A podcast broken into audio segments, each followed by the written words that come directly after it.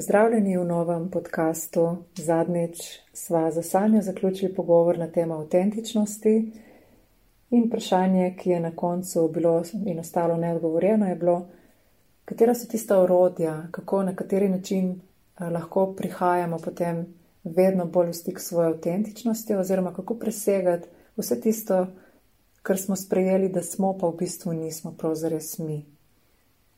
Še enkrat bi rada povdarila, da je za me avtentičnost v bistvu nivo zavedanja. In nivo zavedanja, ki ga rabimo prebuditi v sebi, ki ne pomeni, da smo ga totalno izgubili, nekje je ostal naš avtentični jaz, vendar smo ponavadi izgubili stik z njim zaradi tega, ker smo imeli tako in drugačno vzgojo, ker smo pobrali take in drugačne vzorce o sebi, ker smo imeli travme, mogoče zaradi katerih smo dali svoj pristni ja, jaz na stran, da smo lahko preživeli. Um, ker je bil vpliv okolja kot socializacija za nas zelo ključen. Vse te stvari so nas naučile nekaj drugega, kot pa to, kar pravzaprav smo. In preden začnem z orodji, ki so meni pomagala, gotovo je še ogromno orodij, katerih jaz tudi ne poznam, bi samo rada omenila, da spontano oseba ko se rodi, je najprej v nivoju zavedanja, kjer prevladuje družinski jaz. Ken Wilber je avtor, ki naš uh, jaz, našo identiteto razdeli na več nivojev zavedanja. In pred avtentičnostjo je najprej družinski jaz, v katerega otrok odraste spontano, se pravi sebe doživlja skozi svojo družino, skozi očeta in mamo, kar nekaj let, tam do pubertete recimo in potem se spontano zgodi preskok v mentalni jaz. Vendar ta mentalni jaz zajema že vse tisto, kar sem prej povedala. Družben vpliv je zelo močen. Posameznik, ko je najstnik, sebe definira skozi družbo in tukaj pobere tudi njene vrednote. In če je imel manj vplivov neprijetnih iz okolja, v smislu travm, nekih nekonstruktivnih vzorcev, medgeneracijsko tudi poberemo um, odzive, recimo, ne, ki so odzivi nepredelanih travm oziroma vzorce um, med drugim. In če bo tega manj, potem oseba lažje v puberteti išče svoj avtentični jaz. Ukolikor je bilo tega več, se je pa že do te mere zgubila, da je potem v adolescenci zelo odprt za družbene vplive in še bolj zgubi sebe. In ta mentalni jaz je nivo zavedanja, človek na tak način funkcionira, doživlja sebe skozi skupino, se primerja, um, mu je pomembno dobiti sprejemanje drugih, s tem, da je tak, kot drugi. Ne? Zaradi tega, ker je izgubil sprejemanje sebe že kdaj kot otrok. Bolj ko se je to zgodilo, bolj seveda hočemo ugajati. No, avtentičnost je pa potem, da gremo od tukaj naprej in um, avtor, ki sem ga omenjala, pravi, da je avtentično značilno, da predelamo svojo senco. Se pravi, vse to, kar smo sprejeli, da smo pa nismo, je v bistvu naša senca, naša, naš um, ustvarjen jaz, nekaj, kar prav zares v dokončnem nismo mi, ni naša identiteta. In na poti spoznavanja sebe, na poti do avtentičnosti, je ponovadi veliko procesov odpiranja na bolečine, na prepričanja, ki jih nosimo v sebi, pa nam v bistvu prav nič ne koristijo za res v življenju, ne pomagajo nam živeti, v bistvu nas ovirajo, ker so tudi nastale kot obrambe nekoč, vendar nam pomagajo ohranjati staro, staro resnico, staro realnost in zaradi tega se jih doskrat zelo držimo, ker strah pred spremembo je eden večjih strahov, s katerimi se ljudje soočamo. In moja pot avtentičnosti, ki ne morem reči, da je čisto zaključena, se še vedno dogaja, je pa zdaj kar dosti let že trajajoča in sem na tej poti šla skozi kar nekaj sprememb, se je začela s tem, da sem se začela spraševati, kaj je sploh meni v redu, kaj sploh jaz živim. Uh, in spoznala sem takrat, da ne živim to, kar jaz sem, da ne živim nekaj, kar bi bila zadovoljna sama s sabo. To ne pomeni, da nisem imela lepega življenja tisti trenutek, ne, sem bila še študentka, ne, vendar dejansko nisem imela notranjega stika izpolnjenosti. In zato se mi zdi ključno, da ko človek gre na pot, da hoče odkrivati sebe, da začne pozornost od zunaj usmerjati vase in se začne spraševati, kaj se dogaja v meni, katera so moja čustva zdaj, da si začenja dovoliti čutiti nekaj, kar mogoče prej sploh ni. In pomembno se mi zdi, da se potem na tem nivoju naučimo s čustvi po domače na nek način živeti, ne? kako si dopustiti čustvo, kako ga predelati kot energijo, ker nam čustva pomagajo prihajati potem v globi stik s sabo, ta del, ki je bolj avtentičen. Vendar se na tej poti doskrat rabimo soočiti z vsem tistem, kar smo sprejeli, da smo pa nismo, se pravi z našo senco.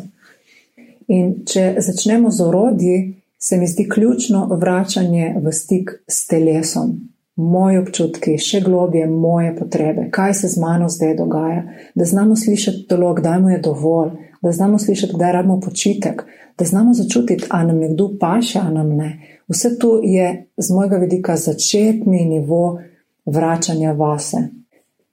S tem namreč spoznavamo, kaj je naša resnica. Avtentičen človek živi svojo resnico, ne na račun, da verjame, da je boljša kot drugih, vendar jo sprejema kot svojo. In če jaz niti ne čutim, kaj se z mano dogaja, um, potem ne morem živeti tega, kar je moja resnica. Ko se tako začnem odpirati na svoje občutke, ko grem globje vase, ko si dovolim prav zares biti prisotna sama sabo, no takrat začnejo prihajati ven vse tiste potlačene zadeve, ki sem jih nekoč rabila potlačiti, da sem preživela, preživel, ne?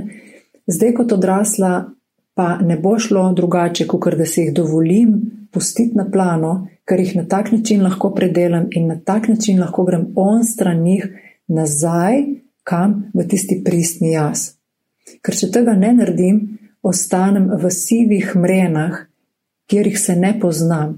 Če vam dam primer, kot otroku se mi je mogoče zgodila neka izkušnja, v kateri sem nekaj razbila, nekaj polila. Mogoče se mi je to zgodilo večkrat in potem sem dobila iz strani odraslih um, jezo, ne, vzbudila se je jeza v njih in so bili odzivi v smislu, da je z mano nekaj narobe, ne kako si nerodna, kako si ne vem kaj. In otrok tega takrat ne zmore drugače vzeti, kot da vzame osebno. In en del mene je takrat imel zelo močna čustva, ki jih ni zmogel sprocesirati, ker jih ni znal sprocesirati. Ko je slišal, da je z mano nekaj narobe, se je začel bati za sprejemanje, za stik. In je raje potlačil vsa ta čustva nekam vase in jih tam pustil, kot pa da bi tvegal stik sprejemanje. In je raje rekel, ah, res sem taka, ne mama ali pa oče ve, jaz sem zdaj slaba, jaz sem nerodna, jaz sem neprimerna. In je te ideje oblikoval kot svojo identiteto in na tak način nekako se zaščitil. Ne, ohranuje stik, ohranuje povezanost, vendar je izgubil sebe. In ko jaz imam nek tak vzorc, potem nekje globoko v sebi, tudi če se ga ne zavedam, živim po njemu, zato ker je del moje identitete.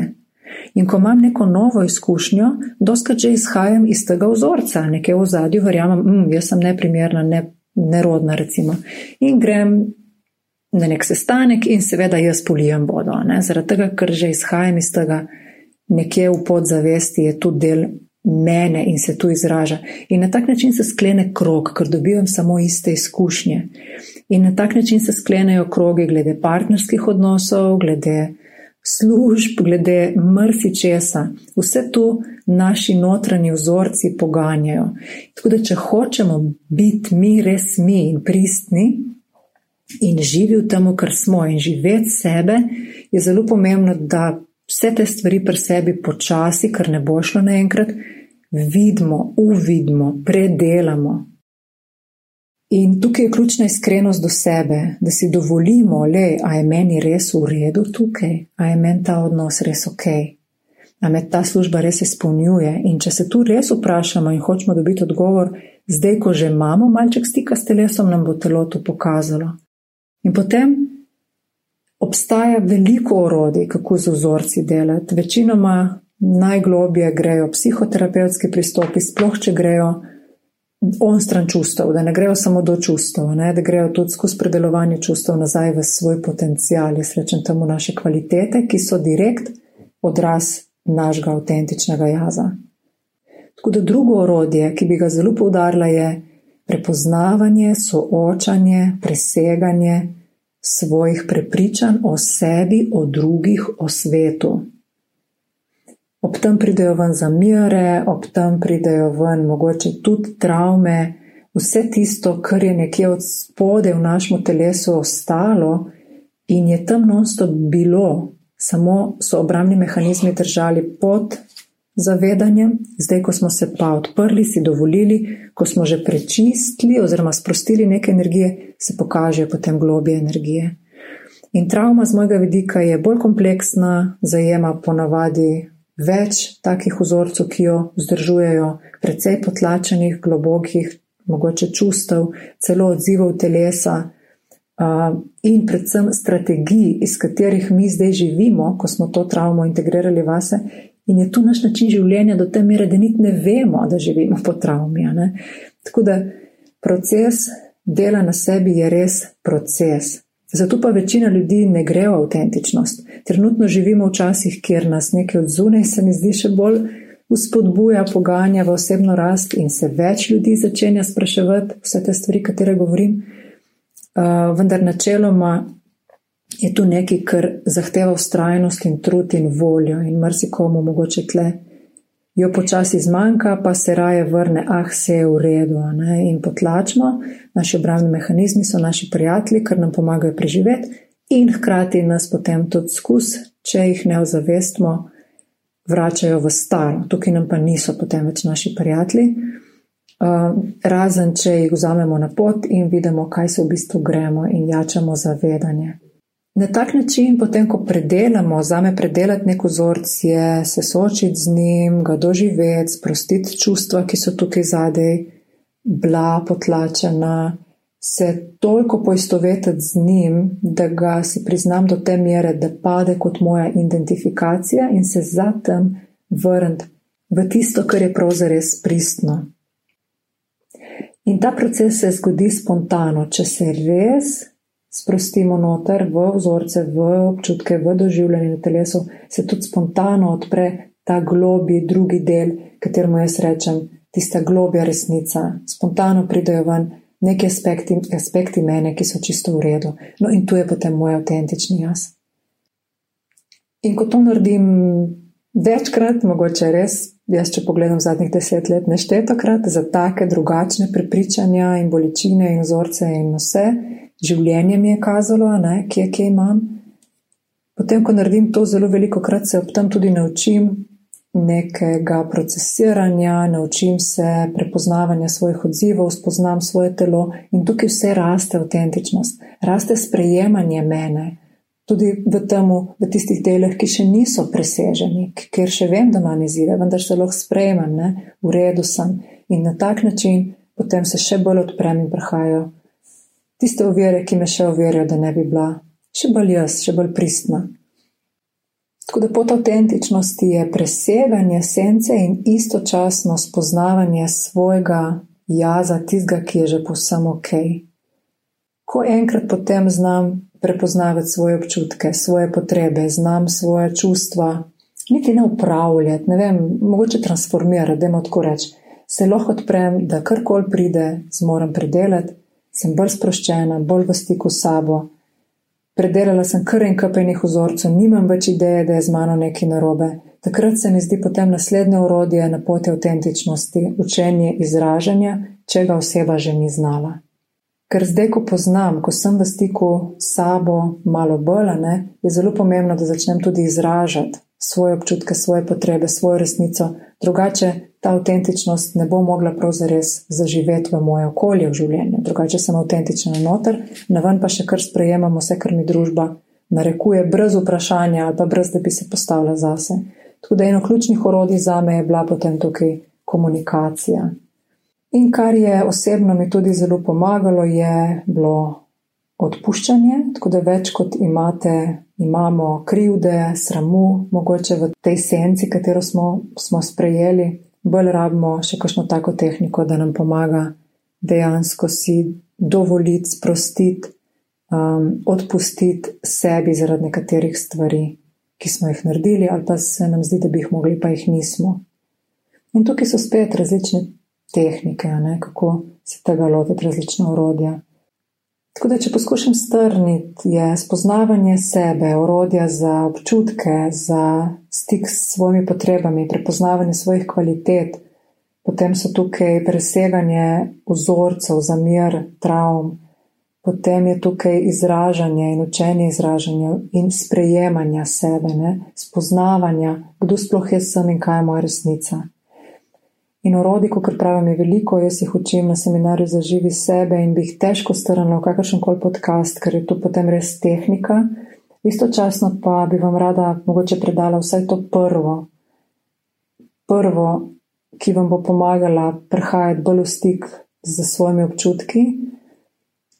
In jaz ponovadi na delavnicah rečem ljudem, karkoli se zunaj zgodi, so samo vplivi, zdaj na moje notranje stanje. Se pravi, če mi nekdo nekaj reče, ali pa nekdo nekaj naredi, ali pa nekaj se zgodi, imam jaz ob tem neke občutke v sebi, ne zaradi njih. Ker takoj, ko rečem, ok, ob tem imam jaz moje občutke, svojo moč potegnem vase.